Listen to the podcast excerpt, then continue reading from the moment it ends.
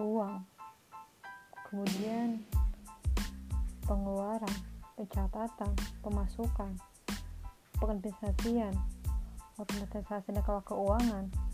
Hmm itu apa ya? Fungsinya apa sih? Kemudian kerjanya ngapain aja sih sebagai DM keuangan ini? Nah kali ini saya akan jelaskan ke kamu tentang seluk beluk dari otomatisasi data keuangan atau administrasi keuangan.